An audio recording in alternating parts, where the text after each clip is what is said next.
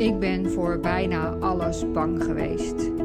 Voor het donker, voor figuren op het kleed, voor stilte, voor de schorre kreet van de avondelijke venter, voor een feest, voor kijken in de tram en voor mezelf. Dat zijn nu angsten die ik wel vertrouw. Er is één ding gekomen boven alles vrees en dat mij kan vernietigen. Dat ik bedelf onder een vracht van reden tot het wederkeert. Dat is het nuchtere gezicht van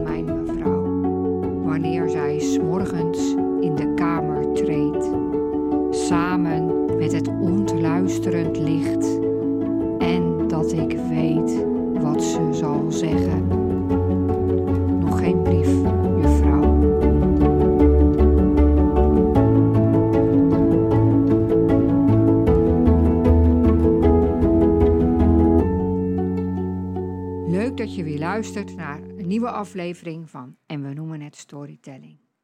Elke aflevering van deze podcast begint met een verhaal. En sommige afleveringen beginnen met een gedicht, omdat ik stiekem gedichten vaak nog mooier vind dan verhalen. Dit is een gedicht van de Nederlandse dichteres Vazalis, die ook psychiater was. En hij past heel goed bij deze aflevering, vind ik, want deze aflevering gaat over angst. Niet over grote angst die je uh, belemmert in je dagelijks functioneren, waar je ziek van kunt zijn, maar eigenlijk over de angsten, het bang zijn, waar we allemaal last van hebben. De huis-, tuin- en keukenangsten, zal ik maar zeggen.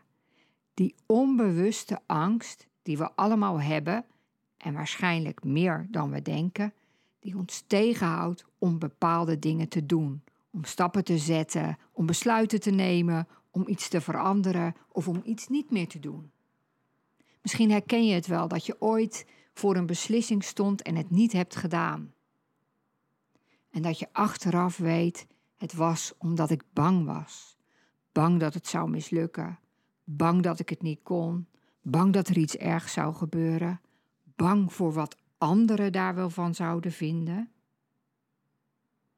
We denken vaak dat andere dingen ons tegenhouden, dat we heel goed op een rijtje hebben gezet wat de argumenten voor zijn en wat de argumenten tegen zijn, dat we goede redenen of goede argumenten hebben om iets niet te doen. Als we heel diep kijken, heel diep van binnen, dan is het heel vaak angst die ons tegenhoudt. Onbewuste angst. En angst die vaak niet nodig is. Bijna iedereen kent wel de uitdrukking, denk ik.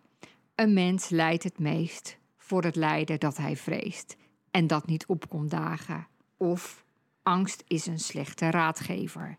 En dat is natuurlijk niet altijd zo. Soms is angst een hele goede raadgever. Als er echt gevaar dreigt, dan gaat ons lichaam in de angst, zodat we kunnen vluchten of vechten. Maar heel vaak dekken we ons eigenlijk van tevoren al in dan, dan gaan we ervan uit dat er misschien dit of dat wel kan gebeuren. Of we hebben ervaringen in het verleden of van anderen. Toen en toen gebeurde dat. Dus dat kan nu weer gebeuren. Daarom vind ik het ook altijd zo mooi wat Eckhart Tolle zegt. Iedereen die al vaker een podcast van mij heeft geluisterd, die uh, weet wel dat ik een enorme fan van hem ben. Stay in the now. Blijf in het nu. Onze angstige gedachten hebben vaak te maken met het verleden, met dingen die eerder mislukt zijn, met afwijzingen die we eerder hebben gehad. Of met de toekomst. Ja, het is nu wel zo. Wordt het nu ook bijvoorbeeld vaak met corona? Ik weet ook niet hoe het gaat aflopen, maar ik vind de cijfers op dit moment, als ik echt naar de nuchtere cijfers kijk, dan stemt mij dat niet heel pessimistisch. Maar als ik dat wel eens zeg tegen mensen, zeggen ze ja, maar je weet het niet, want straks liggen de IC's weer vol. Dus angst die op de toekomst gericht is, of angst die op het verleden gericht is, dat is, dat is heel vaak zo. Dat heb ik zelf natuurlijk ook. En daarom hou ik zo van Eckhart Tolle die zegt: Wees in het nu, blijf in het nu. Wat kun je nu doen? Wat is nu de situatie? Dus Eckhart Tolle vind ik zelf een betere raadgever dan angst. Als ik aan angst denk, moet ik altijd denken aan toen wij een keer naar Ecuador gingen en we moesten allemaal vaccinaties halen. En toen gingen we naar zo'n GGD-centrum en uh, nou ja, we kregen allerlei uh, prikken, weet ik het. En ik zei toen tegen die mevrouw, we hadden zo'n praatje en ik zei... Uh, nou, wat hou je eigenlijk allemaal op je hals hè, als je naar zo'n land toe gaat? Wat, wat, wat voor gevaar kan je allemaal wel niet lopen? Ik vond het zelf helemaal niet zo gevaarlijk, hoewel we ook nog midden in een staatsgreep te, terecht kwamen.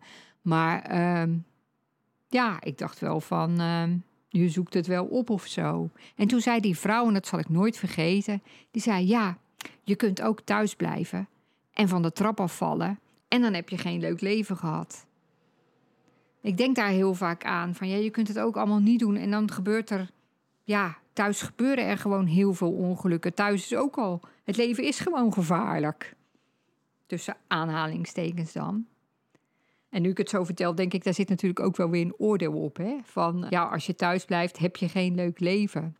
Dat is ook weer zo alsof reizen en zo. Ik hou er zelf heel erg van, maar alsof dat je leven zo leuk maakt. Terwijl je thuis natuurlijk, iemand anders kan, kan thuis ook heel spannende dingen doen die hem heel veel voldoening geven. Een nieuwe schrijver ontdekken, of uh, schilderen, of borduren, of de postzegelverzameling uh, aanvullen, of heel erg druk zijn in je tuin. Ik weet het niet. Maar uh, daar zat dus wel een beetje een oordeel op. En pas kwam ik ook iets moois tegen over angst. Mijn dochter die had uh, eindexamen gedaan en die moest voor school een of ander formulier invullen met dingen over zichzelf. En ook een favoriete quote. Zij is niet zo van de quotes, wat dat betreft lijkt ze niet echt op de moeder. Maar ze is wel fan van S10. Ik had er nog nooit van gehoord, maar er is ook naar een concert geweest. Je schrijft dan S10. Ja, misschien weet iedereen die dit luistert wel. Ben ik de enige die een beetje onder een steen zit de hele tijd. En die maakt dus Nederlandstalige liedjes. En het citaat was: Ik deed vaak mijn ogen dicht als ik dacht dat het eng werd, maar meestal was het niet eens eng. Geweldig. Ik deed vaak mijn ogen dicht als ik dacht dat het eng werd, maar meestal was het niet eens eng. Ik heb al gezegd dat ik zelf altijd dacht dat ik nergens bang voor was. En ik weet nog dat ik tijdens een coachopleiding een oefengesprek deed met een andere coachingopleiding. We moesten op elkaar oefenen en dit was met een beoordeler erbij. En dat ging over het feit dat ik, uh, nou, ik deed die coachopleiding en ik zou een coachpraktijk gaan beginnen. En ik wilde iemand om hulp vragen, maar dat deed ik maar niet. En ik vond het zelf eigenlijk heel erg gek. Waarom deed ik dat nou niet? En uh, waarom vond ik om hulp vragen nou zo moeilijk? Nou, we hadden dat gesprek en uh, we kwamen niet echt verder. Dus op een gegeven moment greep de juf in. En de juf zei tegen degene die mij coachte: Ze is bang. Ze is gewoon bang. En ik dacht: Bang? Ik ben helemaal niet bang. Ik ben honderd jaar journalist geweest. Ik moest altijd op mensen afstappen en, en, en ze iets vragen. Vragen of ze een interview wilden. Vragen of ze over een precaire kwestie vragen wilden, wilden beantwoorden. Ik was helemaal niet bang. Hoezo was ik nou ineens bang? Ik was juist iemand die alles durfde. En toen kwam ik thuis en dit was echt waar. Ik kwam thuis en ik rolde zo door Facebook. Het is een paar jaar geleden, dus ik zat nog heel veel op Facebook. En uh, toen kwam ik een uitspraak van Nelson Mandela tegen. En die was dat moed is niet dat je geen angst hebt, maar dat je die angst overwint. Dat iemand die moedig is niet nooit bang is, maar dingen doet ondanks zijn angst. En ineens viel het kwartje, ineens begreep ik het. Ik durfde alles omdat ik alleen de dingen deed die ik durfde. Dingen waar ik bang voor was, die deed ik gewoon niet. Ik zei dan dat ze niet belangrijk waren of dat ik ze heus wel een keer gaan, ging doen. En toen dacht ik, ja, ik ben gewoon bang om hulp te vragen. Ik ben bang dat die ander dat stom vindt of dat hij mij dan niet voor vol aanziet of uh, dat hij het helemaal niet wil en dat hij, dat hij dan nee wil zeggen. En daar kwam dus ook een andere angst bij. Hè? Ook een angst die echt heel vaak voorkomt en dat is de angst voor afwijzing. En zeker als je ondernemer bent, kun je daar heel veel last van hebben. Want als ik dit programma ga lanceren en er doet niemand mee, dan word ik ontzettend afgewezen. Die angst kan meespelen als je een nieuwe baan wilt. Je kan afgewezen worden. Die angst kan meespelen als je iemand heel leuk vindt en eigenlijk uh, wel een keer met hem zou willen gaan daten. Die angst kan meespelen in je relatie. Als je je kwetsbaar zou willen opstellen, als je, als je misschien echt ja, iets op je hart hebt, maar dat steeds niet durft te, te zeggen. Maar als hij dit van mij weet of als ik dit vertel, houdt hij dan nog wel van me? De angst voor afwijzing is, is een hele grote. En ik heb zelf ook een coach en die zei een tijdje geleden toen we uh, met de groep waar ik in zit het hadden over de angst voor afwijzing bij verkopen. Bij verkopen is natuurlijk ook een enorm ding. En die zei van ja, ik was vroeger ook heel erg bang voor afwijzing. Tot iemand zei, wijs jij zelf eigenlijk ook wel eens iemand af? En toen zei ze, toen kwam ik erachter dat ik, dat ik de hele dag door mensen afwijs. Ik loop de hele dag door langs winkels die allemaal iets aan mij willen verkopen. Die wijs ik allemaal af. Er staat in, komt iemand aan de deur en die vraagt of ik iets wil verkopen. Dat, dat wijs ik af. Iemand vraagt, zal ik je hier even mee helpen? Dat wijs ik af. Wil je een kopje thee? Dat wijs ik af. Ehm, wil je vanavond mee naar de bioscoop? Dat wijs ik af. Je wijst constant mensen af. Is het erg? Wel nee. We doen het allemaal. Het is pas erg als je er een enorm ding van gaat maken, als je het veel groter maakt dan het is. Behalve, oké, jij hebt mij op dit moment niet nodig. Of jij kan mij op dit moment niet helpen. Of ik kan jou op dit moment niet helpen. Oké, er zijn vast anderen die ik wel kan helpen, die wel op mijn hulp zitten te wachten, met wie ik wel iets kan gaan doen. We nemen afwijzing vaak heel persoonlijk en omdat we dat doen, zijn we dus vaak bang om dingen te vragen. En angst is dus vaak heel onbewust. Ik had werkelijk geen idee dat ik bang was. Bang kwam helemaal niet in mijn woordenboek voor. Maar toen ze dat zei en toen ik erover na ging denken, dacht ik: ja, ik ontwijk dingen. Ik ontwijk dingen die ik eng vind. En zoals ik al zei, het komt ook vaak in relaties voor. Of misschien op je werk of in vriendschappen. Ik moest denken aan Oprah Winfrey, die uh, enorm veel van die tv-shows uh, heeft uh, gedaan. Meer dan 4500. Ongelooflijk vind ik dat altijd. 4500 van die televisieshows. En nou, natuurlijk heel vaak kwamen er natuurlijk mensen die, die een conflict hadden met iemand anders op de een of andere manier. En zij zei in een interview, wat ook terug te vinden is op YouTube bij een Amerikaanse universiteit, Stanford. Toen zei ze: Wat ik geleerd heb van al die conflicten in al die shows, is dat als mensen boos op je zijn, ze eigenlijk niet iets tegen je zeggen of iets tegen je schreeuwen. Dat doen ze wel. Maar daarachter zitten volgens haar eigenlijk altijd drie vragen. Hoor je wat ik zeg? Zie je mij? Betekent dat wat ik zeg iets voor je? Dus daarachter zit angst. Angst om niet gehoord te worden. Angst om niet gezien te worden. Angst dat wat jij zegt of denkt of voelt voor die ander niets betekent. Het is heel moeilijk hoor, want met ruzie zitten we natuurlijk al heel vaak in een patroon. Die ander zegt wat, ik zeg wat, hij zegt weer wat. En zo hebben we weer die ruzie. Maar om even daaruit te stappen en daaraan te denken. Hoor je wat ik zeg? Zie je mij? Betekent dat wat ik zeg iets voor je? En dat geldt dus niet alleen voor die ander die boos is, dat geldt ook voor jezelf.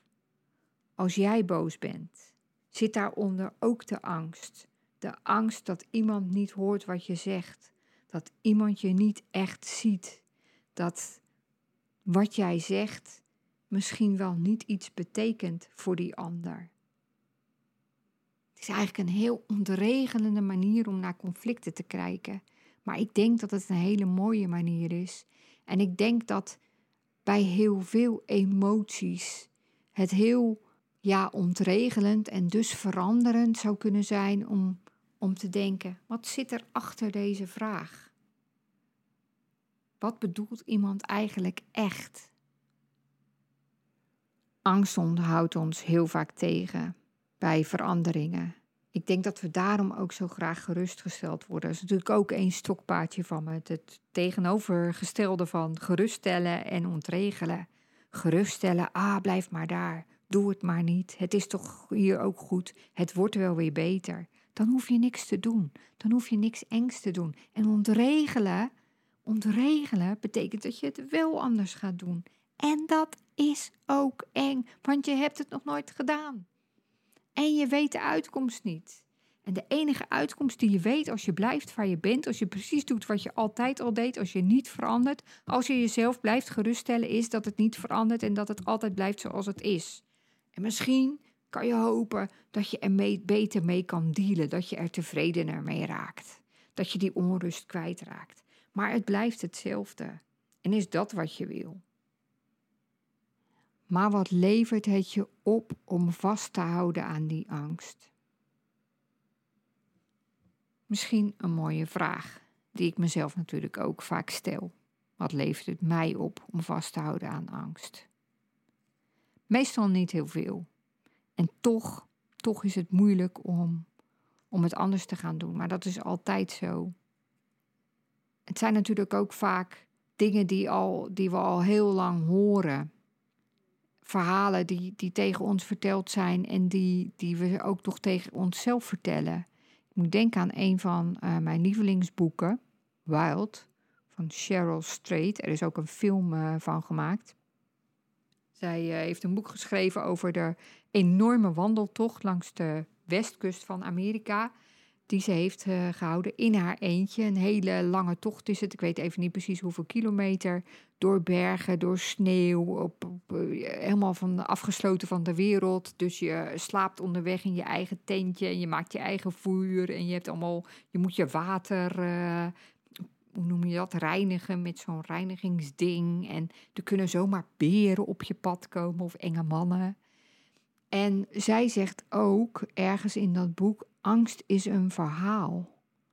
Angst is een verhaal dat we horen vanaf dat we klein waren. En zij zei: Ik heb besloten, voordat ik ging lopen, dat ik mezelf een ander verhaal ging vertellen dan het verhaal dat vrouwen vooral altijd hoorden. Ik ging niet luisteren naar het verhaal van angst. Ik besloot dat ik veilig was, dat ik sterk was, dat ik dat ik moedig was, dat niets me kon weerhouden van dit. En ze zei: vasthouden aan dit nieuwe verhaal was een soort van mind control. Maar het werkte. Je kunt je mind onder controle houden. Je kunt jezelf een ander verhaal vertellen. Niet het verhaal van angst, maar het verhaal van sterk zijn, van moedig zijn. Het verhaal van ik ben veilig. Het kan. Je moet niet alles geloven wat je denkt, zegt Eckhart Tolle. En ik haal Byron Katie er ook nog even bij. Is het waar? Is het verhaal dat ik tegen mezelf vertel waar? Kan ik er 100% zeker van zijn dat het verhaal waard is? Wie zou ik zijn zonder dat verhaal? En kan ik het omdraaien? Kan ik zeggen: ik ben niet bang, ik ben moedig, ik ben veilig?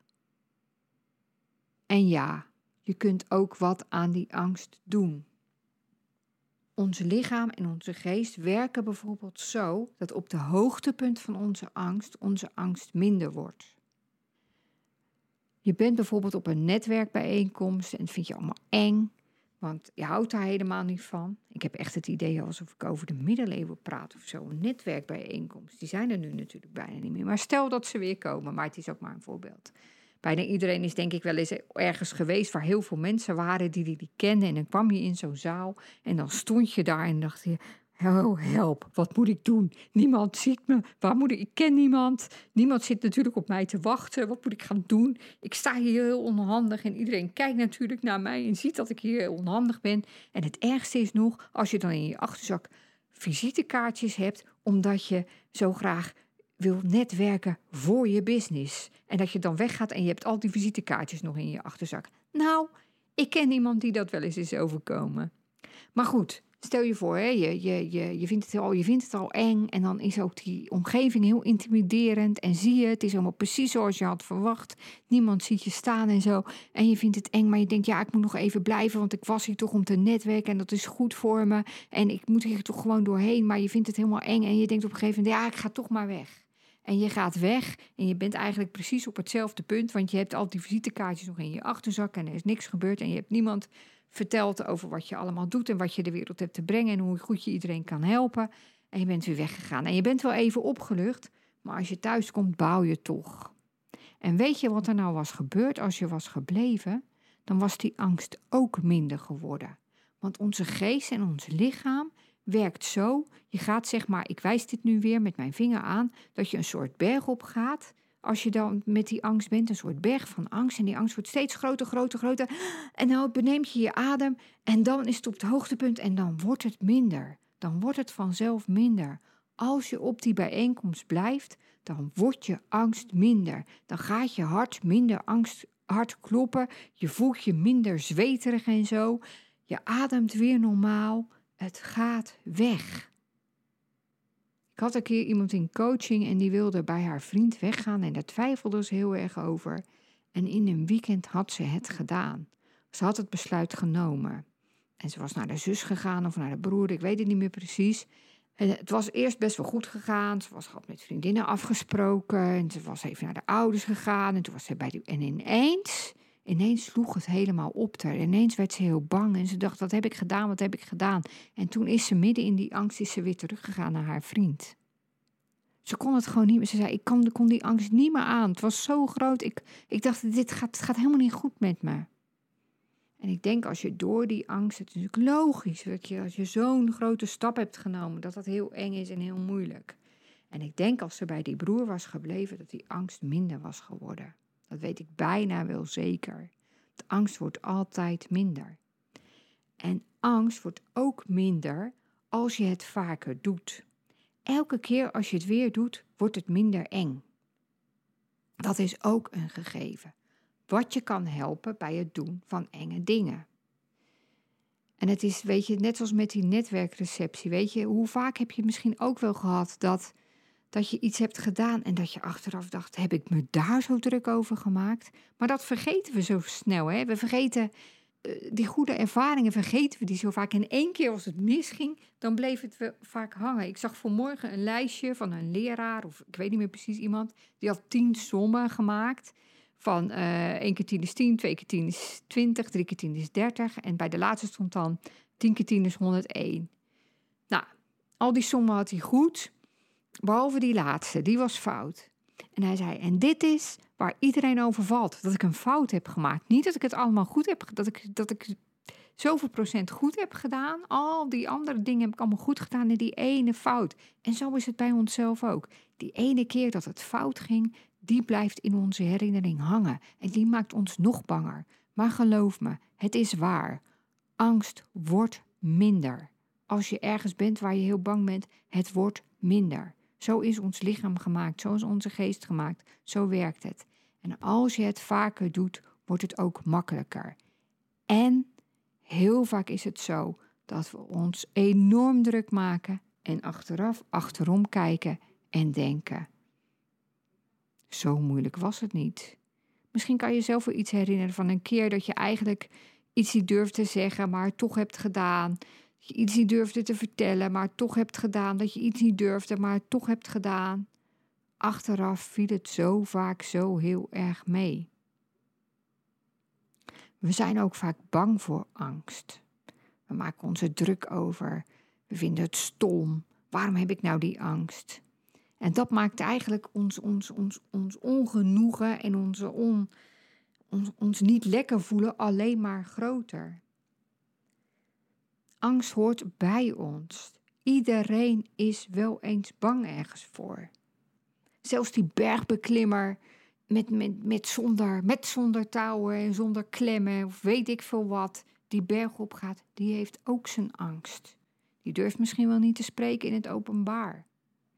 Iedereen heeft zijn eigen angst en angst hoort er gewoon bij. En het wordt al beter als je dat ook accepteert. Oké, ik ben hier bang voor. Ik ga me daar verder niet druk over maken. Ik ga me er niet enorm tegen verzetten, want dan wordt het alleen maar erger. Ik leg die angst op mijn stoel of ik neem die angst onder mijn arm en ik ga doen wat ik heb te doen. Want mijn doel is groter dan mijn angst. Dat is ook iets wat enorm kan helpen als we het hebben over wat kan je doen tegen die angst. Als er iets is wat je heel graag wil, bedenk dan hoe het zal zijn als je dat doel hebt bereikt. Hoe voelt dat? Wat is er veranderd? Wat merk je ervan? Wat levert het je op? Wat merken mensen in je omgeving ervan? Hoe zou het zijn als je dat hebt gedaan? Als je daar helemaal in gaat stappen, dan voel je al die energie die het met zich meebrengt als je dat doel hebt bereikt. En als je het gaat doen, dan kom je bij dat doel. En als je het niet gaat doen, dan blijf je in de situatie waarin je nu bent. Ik gebruik bijvoorbeeld vaak het voorbeeld van dat je bijvoorbeeld uh, problemen hebt met een leidinggevende en daar niets van zegt. Als je er niets van zegt, dan blijft alles zoals het nu is. En als je naar hem toe gaat, naar zijn kamer, om het te gaan vertellen wat jou zo hoog zit, te bespreken wat je wilt of wat je anders zou willen, voor jezelf op zou komen. En dan loop je naar die deur en dan loop je naar die deur en dan ben je hartstikke bang. En op het moment dat je bij die deur bent, dan ben je helemaal bang. En het liefste zou je terug gaan willen naar je plek. Kan je doen, maar dan blijft alles zoals het was. En als je gaat, dan wordt die angst minder. En als je het hebt gezegd, dan valt het in 9 van de 10 gevallen enorm mee. En dan is er iets veranderd. En dan ben je verder gekomen dan de plaats waar je eerst was. Dat levert omgaan met je angst of toch doen wat je hebt te doen, ondanks je angst, wat, wat op. Bedenk als je iets wil, maar je doet het steeds maar niet, is het angst die me tegenhoudt. En welke waarde bereik ik als ik het toch doe? En hoe belangrijk is dat voor mij? Kan natuurlijk ook beslissen dat het niet zo belangrijk is. Dan hoef je er ook niet meer druk over te maken. Dan accepteer je dat het blijft zoals het is en dan ben je daar oké mee. Dan richt je je weer op andere dingen. Maar als je het echt wil, als het toch heel belangrijk voor je is, doe het. Laat je niet verlammen door angst. Maar het gaat natuurlijk niet altijd om iets doen. Onbewust kan angst ook een rol spelen bij iets niet meer doen, bij iets loslaten. Hoe vaak houden we te lang vast aan iets dat niet meer goed voor ons is? Aan een baan, een klus, een opdrachtgever, een klant, een relatie, misschien wel een huis. We vinden het moeilijk om het los te laten, omdat we niet weten wat er dan gebeurt, hoe we ons dan zullen voelen. En het kan bijvoorbeeld ook zijn bij iets wat, wat, wat heel goed lijkt. Bijvoorbeeld dat je altijd klaar staat voor iemand, of nooit nee zegt, of altijd iemand helpt, of altijd de eerste bent die opkomt dagen als iemand hulp nodig heeft. Maar het voelt niet meer goed voor jou. Om dat dan los te laten, wat gebeurt er dan? Misschien wordt die ander wel boos. Misschien worden andere mensen wel boos. Misschien voel ik me wel heel slecht over mezelf. Misschien vind ik, vind ik het wel heel vervelend als ik de controle niet meer heb. Ook daarin kan angst, onbewust bang zijn, een grote rol spelen. En dan kan het resultaat zijn dat je te lang vast blijft houden aan iets dat, ja, dat niet goed voor je is. Bang zijn is vaak onbewust. Je hebt het vaak zelf niet door. Dus als er nou iets is wat je graag wil, maar toch steeds niet doet, zit er misschien angst achter. Is die angst reëel? Kun je jezelf ook een ander verhaal vertellen? En Wat zou er gebeuren als je het toch doet, ondanks je angst? Als je het toch doet met je angst onder je arm, wat levert het je dan op? Wat levert het je op om vast te blijven houden aan die angst? Om te blijven waar je nu bent? Angst in relaties. Speelt die ook een rol? Zit er ook angst achter boosheid of een conflict? Wat kun je doen met angst? Kun je er minder druk over maken en het accepteren dat het bij je hoort zoals het bij iedereen hoort? En weer met die angst onder je arm toch doen wat je hebt te doen. Kun je de sprong wagen en gun je jezelf om te ervaren dat je het wel kan. En dat het waarschijnlijk, hoogstwaarschijnlijk, minder eng was dan je dacht.